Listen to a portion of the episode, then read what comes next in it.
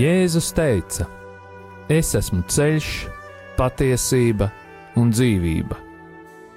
Kas ir šis ceļš? Kā to atrast? Par to raidījumā Ceļš pie viņa. Raidījumu vada Normons Grasmanis.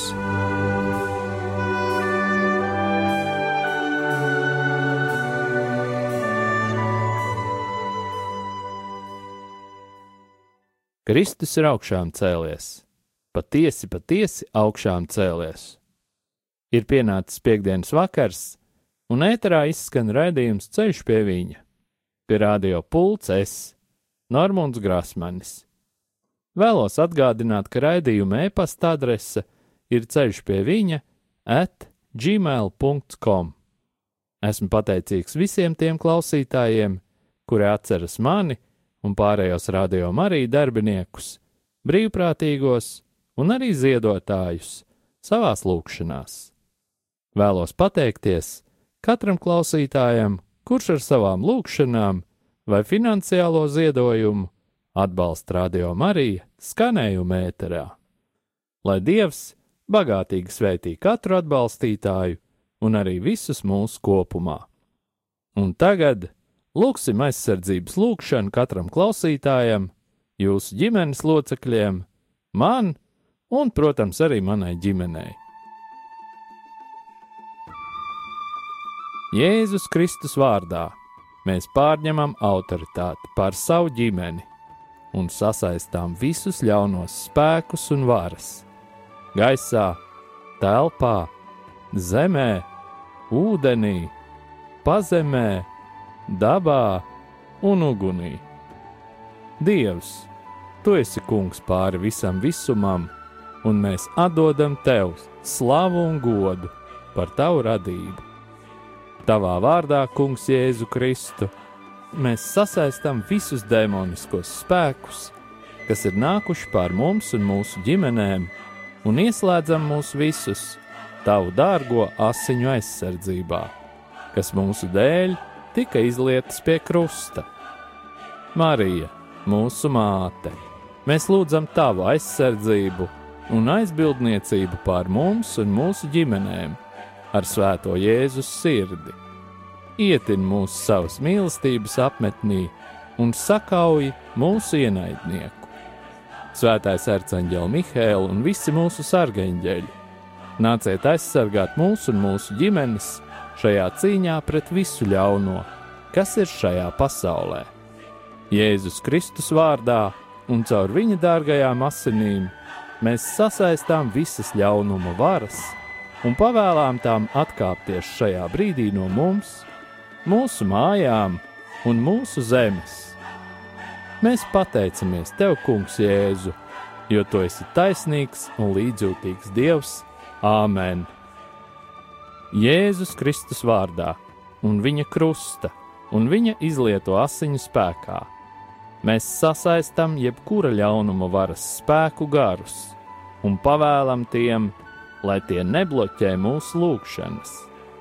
Mēs salaužam jebkurus lāstus, burvestības, kas ir vērsti pret mums, padarot tos tukšus un bezspēcīgus. Mēs salaužam jebkuru uzdevumu, kas ir dots jebkādiem gariem, kas vērsti pret mums, un sūtām viņus pie Jēzus, lai viņš dara ar tiem, ko vien vēlas. Kungs, mēs lūdzam, lai tu svētī mūsu ienaidniekus, sūtot savu svēto garu pār tiem, lai vadītu viņus uz grēku nožēlu un atgriešanos. Mēs pārcērtam jebkādas saites, un saziņu ļauno garu pasaulē, kas ietekmē mūsu un mūsu lūgšanu. Mēs lūdzam Jēzus izlieto asiņu aizsardzību pār mums un mūsu ģimenēm.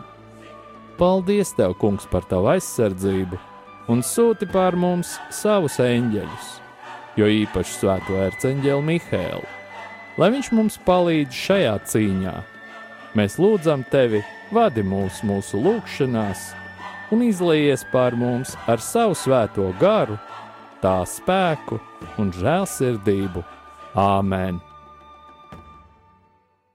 Šodien runāsim par tādu dziedniecības sistēmu kā akapresūra un šiacu. Akapresūra ir viens no tuīna terapijas variantiem. Tā ir vienkārši masāžas tehnika, kas tiek izmantota ķīniešu medicīnā. Mūsdienās Ķīnā akupresūra tiek ieteikta kā pašārstēšanās metode pret spriedzi un nogurumu, kā arī dažādu slimību profilaksē. Tas pats attiecas uz šī acu, kas ir akapresūras Japāņu variants. Akapresūra un šī acu balstās uz to pašu pamatu kā akapunktūra. Tiek ņemta vērā enerģijas plūsma, kura kursē pa cilvēku meridiānām, un ja šī plūsma tiek traucēta, tad tas pārvēršas slimībā vai neveselīgā dzīvesveidā. Lai atjaunotu šo enerģijas plūsmu un līdzsvarotu iņu un jaņu attiecību, tiek uzspiests uz noteiktiem punktiem, kas atrodas uz meridiānām vai ķermenī esošajiem enerģijas ceļiem. Spiešanai izmanto pirkstu galus, šī acu izmanto arī rokas, elkoņus un pēdas. Arī šajā ārstniecības metodē ir nepieciešama diagnoze.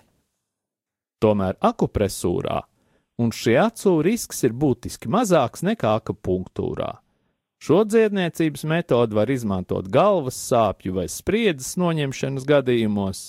Nav ieteicams šo metodi izmantot, ja ir ādas slimības vai iekaisumi. Arī smagu sirds slimību vai asins cirkulācijas traucējumu gadījumos nav ieteicams izmantot šo metodi. Tas pats attiecas arī uz grūtniecību un vēža slimībām. Tā kā mūsu raidījums kaut kādā mērā meklē problēmu un cenšas apskatīt dažādas maldu mācības, lai izprastu bīstamību novirzīties no patiesības ceļa, tad, kā jau apskatījāmies akapunktūrā, arī šajā gadījumā iedarbošanās uz meridiānām nav zinātniski pierādīta. Turpretī tas, ka masētajās ādas vietās radušais kairinājums iedarbojas uz simpātisko nervu sistēmu, ir nenoliedzami. Kā tas ietekmē katru individu atsevišķi, tas paliek jautājums. Mums arī būtu jāuzmanās no tā, ka šis ārstēšanās veids tiek ļoti bieži izmantots New Age, kur kopā ar ārstēšanos bieži vien tiek izplatīta ar kristietību nesaistīta filozofija, kā to parāda sekojošā liecība. Kāds jauns vīrietis 1985. gadā piedalījās šī acu kursos. Tie notika Minhenē, un tos vadīja mūki, Tibetas budismu sekotāji. Pēc vairāk kā gadu ilgušajiem kursiem, kuros šis vīrietis nebija iemācījies nekādus jaunus būtiskus šī acu elementus, viņš ieslīga depresijā un vērsās pie sava meistara, lai noskaidrotu, kāpēc netiek piedāvāta nekāda jauna mācību viela. Meistars kļuvis nikns par to, ka viņa skolnieks uzdrošinājās apšaudīt viņa autoritāti. Pēc tam šim jaunajam vīrietim vairs nebija šaubu, ka šo kursu mērķis bija kas vairāk nekā tikai mācīt šī acu. Viņš vainoja mūku, ka viņš gribējis iegūt viņa dvēseli, un ka kursu vienīgais mērķis esot bijis sasniegt šo mērķi. Pēc tam mūks zaudēja paškontroli. Jaunais vīrietis pameta gan telpu, gan kursus, gan arī pilsētu. Kopš tā brīža viņš ik pa laikam ieslīgs depresijā, kas nav izskaidrojama. Un tā nākošajā raidījumā aplūkosim aromaterapiju, kas ir saistīta ar augsti koncentrētu eļļas ekstraktu izmantošanu dziedniecībā. I woke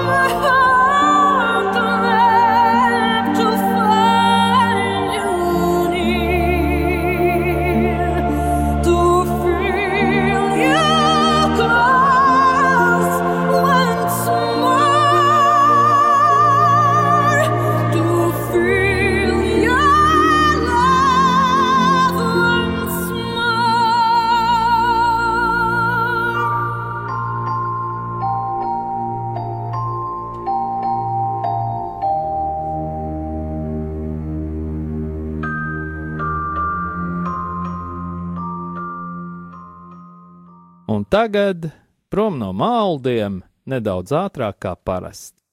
Jau pagājušajā reizē minēju to, ka katra mēneša pirmajā sestdienā vēlos organizēt ģimenes dziedināšanas seminārus. Varbūt to varētu nosaukt arī par lūkšanu dienu, kur mēs atļaujamies ziedot kaut kādu mums svarīga mērķa dēļ, un šeit es domāju, vērtīgāko, kas mums šajā dzīvē ir, tas ir laiku.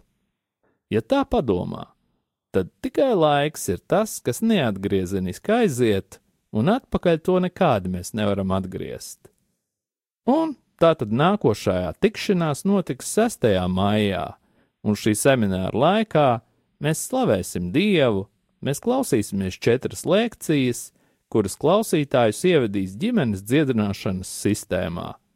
Nobeigumā būs paraliturģija, kur ietver sevī Dieva vārdu lasīšanu, kolektīvu grēku nožēlu, atteikšanos no konkrētu grēku, pret Dieva ietekmes uz mūsu ģimenēm un, protams, ka mums pašiem.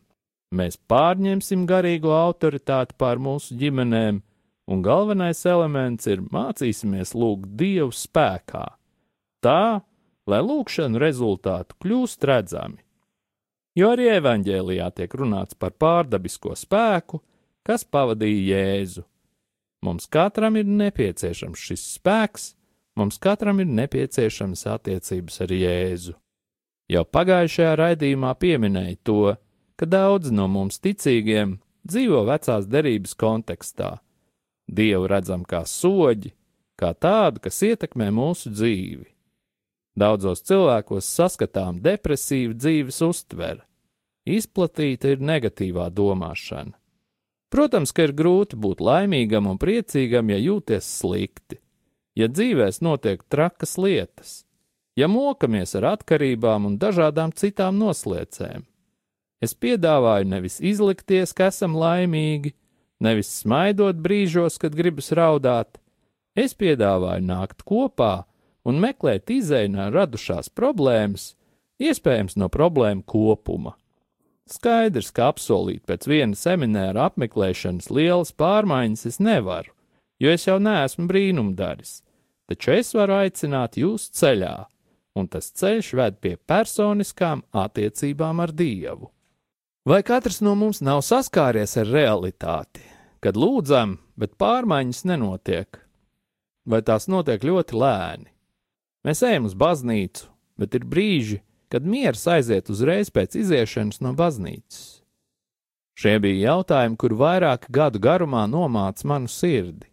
Šādu garīgi, fizisko stāvokli var salīdzināt ar slimību. Un kā jau esmu teicis, iepriekš Jēzus atnāca uz zemi dziedināt, atbrīvot un pasludināt labo vēsti. Tas arī bija galvenais uzdevums, kas tika nodots apstuļiem. Kas esam mēs, kas sekojam Kristum? Mēs katrs esam aicināti no Kristus. Esam kaut kādā mērā apstuļi. Tātad mums ir jādziedina, jāatbrīvo un jāpasludina labā vēsts.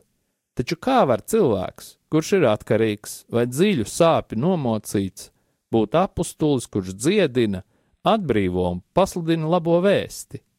Evanģēlijā ir minēta līdzība par aklo, kurš rāda ceļu citam aklajam, kur viņi abi nonāk? Pareizi, grāvī.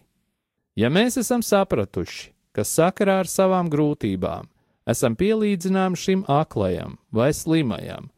Mums vispirms ir pašiem vajadzīga dziedināšana.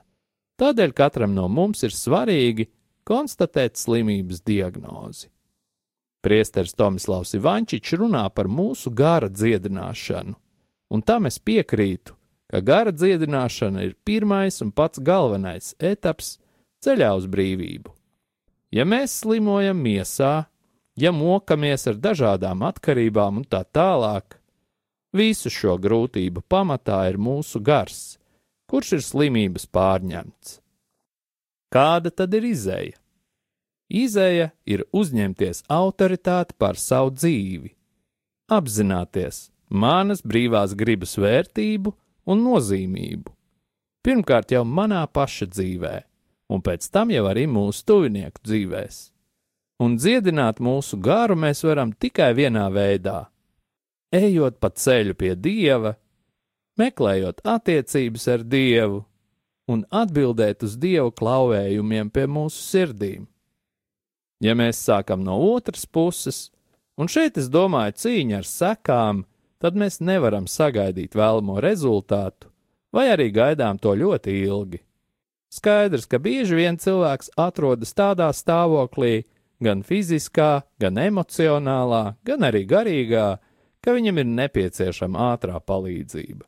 Šādu ātrā palīdzību es piedāvāju saņemt 6. maijā Gustavas zemgala gatvē 48 Rīgā, un pieteikties ir iespējams caur mājas lapu mīlestības māja.lv vai pa tālruni 27 477 166 kas ir manējais numurs. Pieteikšanās ir svarīga tāpēc, ka man jums ir jānosūta anketas, kuras būtu labi aizpildīt pirms semināra. Ja kādam šādas iespējas nebūs, tad būs piespēja un laiks to izdarīt arī uz vietas.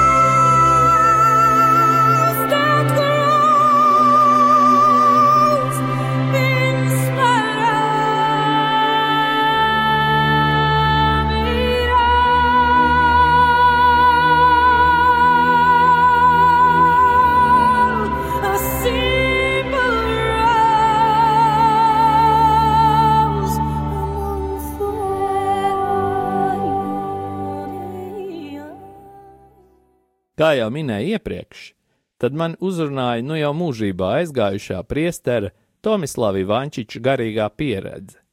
Tādēļ izmantoju viņa sarakstīto grāmatu, lūgt un saņemt dziedināšanu. Viņš šajā grāmatā runā par garīgumu un runā arī par garīgām slimībām. Un, ja mēs diagnosticējam garīgu slimību, tad ir nepieciešami garīgi medikamenti. Man ļoti patīk tas, ka viņš piedāvā šos garīgos medikamentus, kur ir vairāki. Kā redzam, tad šī metode atšķiras no maldu mācību piedāvātajām, kur parasti ir viena metode vai vienas zāles, nu, piemēram, homeopātiskās, kuras palīdz visām slimībām un bieži vien pat visās problēmās palīdz. Lai dziļāk izprastu garīgumu, es piedāvāju noskaidrot, ko nozīmē garīgs. Es vai cilvēks sastāv no ķermeņa, psihes, un tā ietver sevi arī emocijas un jūtas. Šis kopums ir pieskaitāms arī pie ķermeņa un gara, sfēra vai katra cilvēka gars. Ja cilvēks ir slims, viņa ķermeņa vai somātiskās slimības ārstē mediķi, psihiskās - psihiatri, bet ar emocijām un jūtām parasti darbojas psihologi un psihoterapeiti. Savukārt garīgās, jeb pneumatiskās slimības ir garīdznieku, jeb dvēseļu ganu kompetencē. Cilvēka gara sfēra ir atvērta absolūtajai būtnei, kuru saucam par dievu, un cilvēks spēja komunicēt ar dievu. Ja paskatāmies filozofiski uz šo jautājumu, tad garīgais atklājas transcendencē un refleksijā.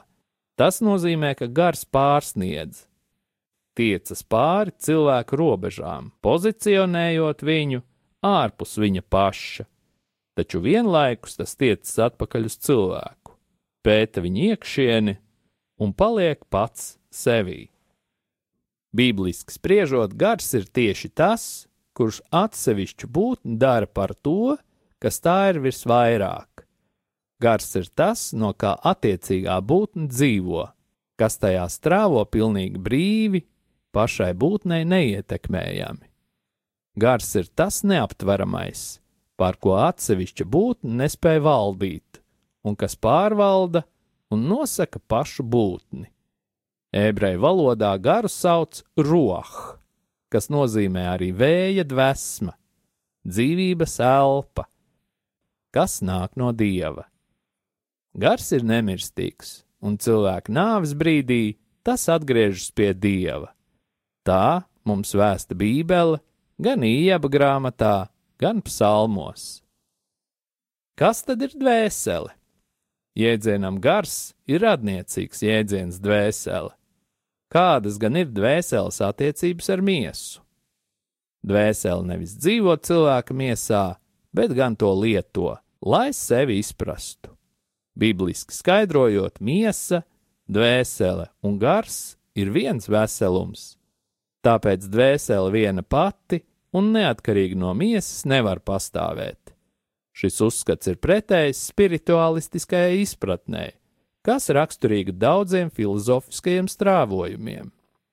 Bībele vēst, ka dvēsele ir dzīvības princips, nevis tās pirmsākums. Bībeles tekstu autori apgalvo, ka Dievs ir dzīvības pirmsākums. Ko tad nozīmē dziedināt garu? Cilvēka gara realitātei nav iespējams piekļūt tieši, bet tikai caur dvēseles vai ķermeņa realitāti. Tas nozīmē, ka gara slimības iespējams diagnosticēt tikai pēc simptomiem, kurus konkrētajā brīdī parāda cilvēka psihe vai ķermenis. Tā tad ir gan miesas, gan psihes slimības, kuru pirmcēlumanis ir meklējams gara sfērā. Šajos gadījumos psihiatrija un somātiskā medicīna var ārstēt tikai simptomus, bet nekad nesasniegs slimības sakni. Tikai garīga darbība ļaus nonākt līdz saknei, un tas ir vēl viens apstiprinājums faktam, ka laba sadarbība ārsts, psihiatrs un garīdznieku starpā ir ārkārtīgi svarīga. Un kas tad ir garīgas traumas? Ar jēdzienu trauma šeit saprotam ievainojums, kas satricina dvēseli, atstājot ilgi nezūdošu negatīvu iespaidu, kas savukārt izraisa psihisku vai miesīgu saslimšanu. Tātad te ir runa par brūcēm, kas rada jaunas brūces, un tādējādi to ietekmi uz cilvēku ar vien pieaug. Šeit es domāju dvēseliskas traumas, Jau svētais Jānis Pāvils II raksta, ka ir jānošķir ķermeniskas un morāliskas ciešanas. Tā tad ir iespējams runāt par garīgas dabas sāpēm, ne tikai par sāpju psihisko dimensiju. Viņš runā par psihiskām sāpēm, kas sakņojas cilvēka garā. Ciešanu apjoms vai daudzveidība garīgajā sfērā nebūtu nav mazāka kā miesīgajā sfērā tikai to izraisītājs ir grūtāk nosakāms un terapijai grūtāk sasniedzams. Ņemot vērā, ka morāliskas, tātad garīgas dabas ciešana izpausmes parādās cilvēka psihē, tās ir ļoti grūti atšķirt no tādām ciešanām, kuru pirmcēlonis meklējams pašā psihē, un tāpēc šādas ciešanas nereti ir arī grūtāk dziedināmas. Runājot par dziedināšanu, vēlreiz jāuzsver, ka ar to noteikti nav domāta psihiska iedarbošanās uz cilvēku, bet gan nepieciešamība darīt veselu visu, ko citu cilvēku vai pašu nolaidība un kļūdas, pašu vai citu cilvēku radītais ļaunums ir darījis neveselu mūsu dvēselē. Atveseļošanās sekas vispirms parādās kā pārmaiņas cilvēka gara sfērā Cilvēks sāk uzticēties dievam, vēršas pie viņa ar prieku, pielūdz viņu un pateicis viņam. Katrs, kura dvēsele kļūst ar vien veselāka, ar vien vairāk orientējas uz dievu, un visa viņa dzīve iegūst virzību uz dievu. Cilvēks kļūst ar vien krietnāks, saticīgāks, miermīlīgāks, tīrāks, augstsirdīgāks. Viņš ar vien vairāk tiecas pēc visa, kas ir patiess, godājams, taisns un šķīsts, kas ir pievilcīgs un apbrīnojams, kas saistīts ar likumu un ir slavējams.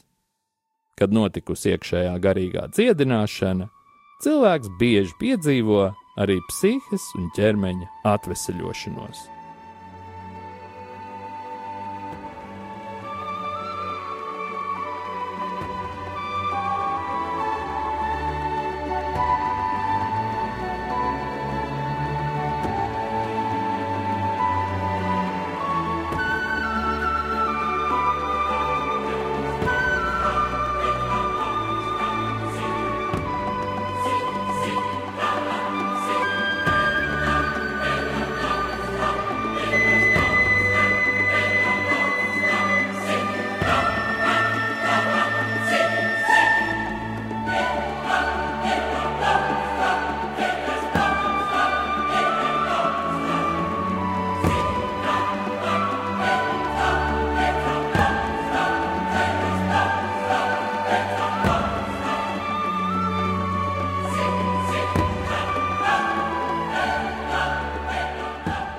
Un tagad mēs iestājamies lūgšanā pret sātanu sistēmu un tā darbībā mūsu ģimenēs.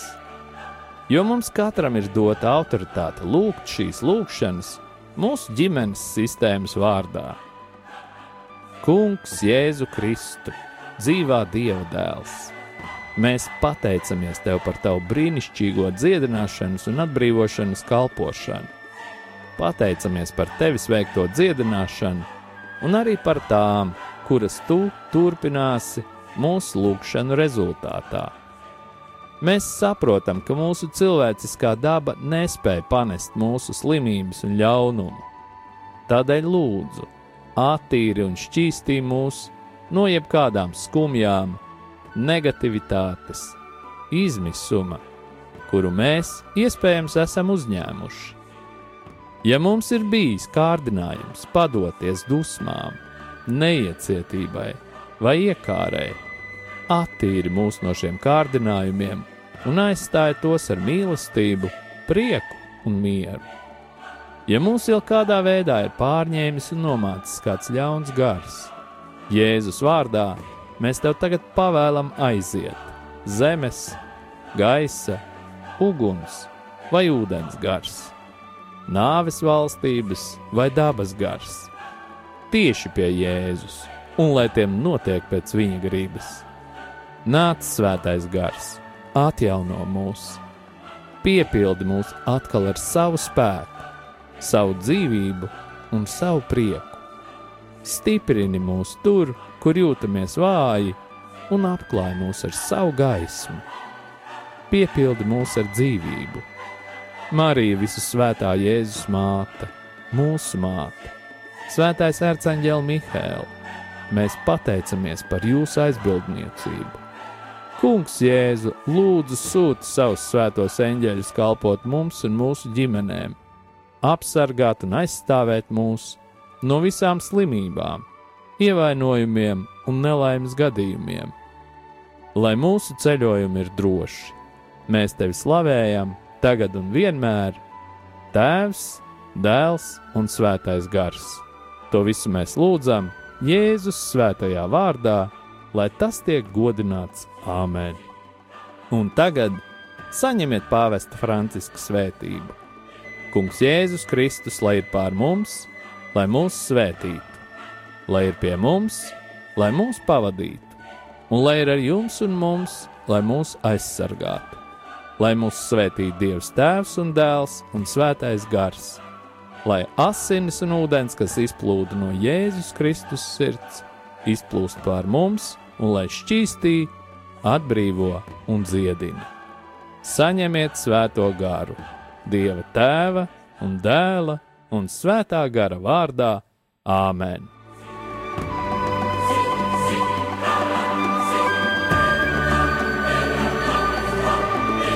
Jūs klausījāties raidījumu Ceļš pie viņa uz tikšanos piekdien, 16.30.